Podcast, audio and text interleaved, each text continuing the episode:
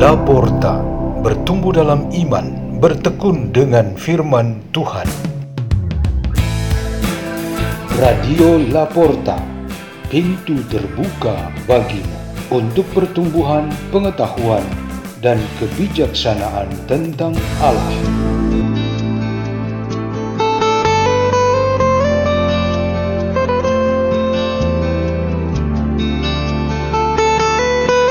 Bacaan dan Renungan Sabda Tuhan Hari Senin, Pekan ke-26, Masa Biasa, 26 September 2022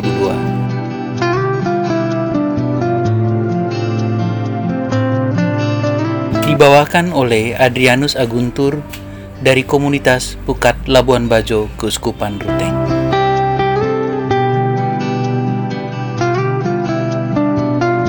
Inilah Injil suci menurut Lukas. Sekali peristiwa, timbullah pertengkaran di antara para murid Yesus tentang siapakah yang terbesar di antara mereka. Tetapi Yesus mengetahui pikiran mereka. Karena itu, ia mengambil seorang anak kecil dan menempatkannya di sampingnya. Lalu ia berkata kepada mereka, "Barang siapa menerima anak ini demi namaku, dia menerima aku. Dan barang siapa menerima aku, menerima dia yang mengutus aku. Sebab yang terkecil di antara kalian, dialah yang terbesar. Pada kesempatan lain, Yohanes berkata, Guru, kami melihat seorang mengusir setan demi namamu, dan kami telah mencegahnya, karena ia bukan pengikut kita. Tetapi Yesus menjawab, jangan kalian cegah, sebab barang siapa tidak melawan kalian, dia memihak kalian. Demikianlah sabda Tuhan.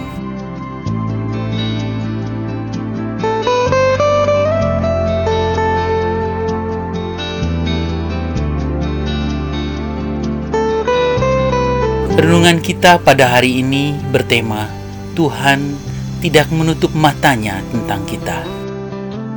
Di dalam satu kesempatan pelajaran di kelas, seorang murid bertanya, "Pak Guru, apakah di dalam surga yang jauh di sana, Tuhan dan mereka yang di sekelilingnya berbicara dan berdiskusi tentang kita?" Bapak guru yang sedang mengajar itu tampak agak bingung untuk menjawab pertanyaan itu. Namun, ada seorang murid yang duduk paling belakang, mengangkat tangan, dan ingin memberikan jawaban ia berkata, "Di sana Tuhan dan iblis selalu bertengkar tentang keadaan kita di bumi." Apa yang dikatakan oleh murid itu bukan sebagai candaan atau guyonan semata. Terlepas dari apakah ia memiliki pengetahuan yang persis tentang itu atau tidak. Namun, yang terjadi antara Tuhan dan iblis memang ada komunikasi di antara mereka. Di dalam kitab suci, khususnya yang ditunjukkan oleh kitab Nabi Ayub dalam bacaan pertama hari ini, ada sebuah diskusi antara Tuhan Allah dan iblis seputar kehidupan manusia di dunia. Ayub merepresentasikan semua manusia yang beriman namun rapuh, lemah, dan tentu menjadi target strategi jahat iblis dan para pembantunya. Namun semua itu ada dalam kontrol Tuhan. Tuhan mengetahui bahwa iblis sangat ingin menggodai manusia, dan Tuhan mengizinkan karena iblis juga memiliki kuasa di atas bumi. Tetapi Tuhan membatasi iblis untuk tidak membinasakan manusia. Tuhan Yesus Kristus yang menjadi pribadi Allah yang hidup di dalam dunia memiliki tugas untuk melindungi dan memelihara orang-orang kecil, sakit, tertindas, dan termarginalkan oleh berbagai kekuasaan jahat di dalam dunia. Di dalam tangan dan kuasanya, tidak boleh ada seorang pun yang dipercayakan Bapa kepadanya, binasa dan hilang. Meskipun iblis tentu senang dengan tugasnya untuk memperdayai manusia yang lemah dan kecil, tetapi ia tidak mungkin berhasil mengambil mereka dari kuasa Tuhan Yesus Kristus.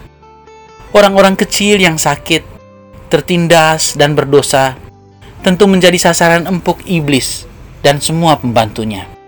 Tetapi Tuhan sendiri tidak tega menutup mata terhadap mereka.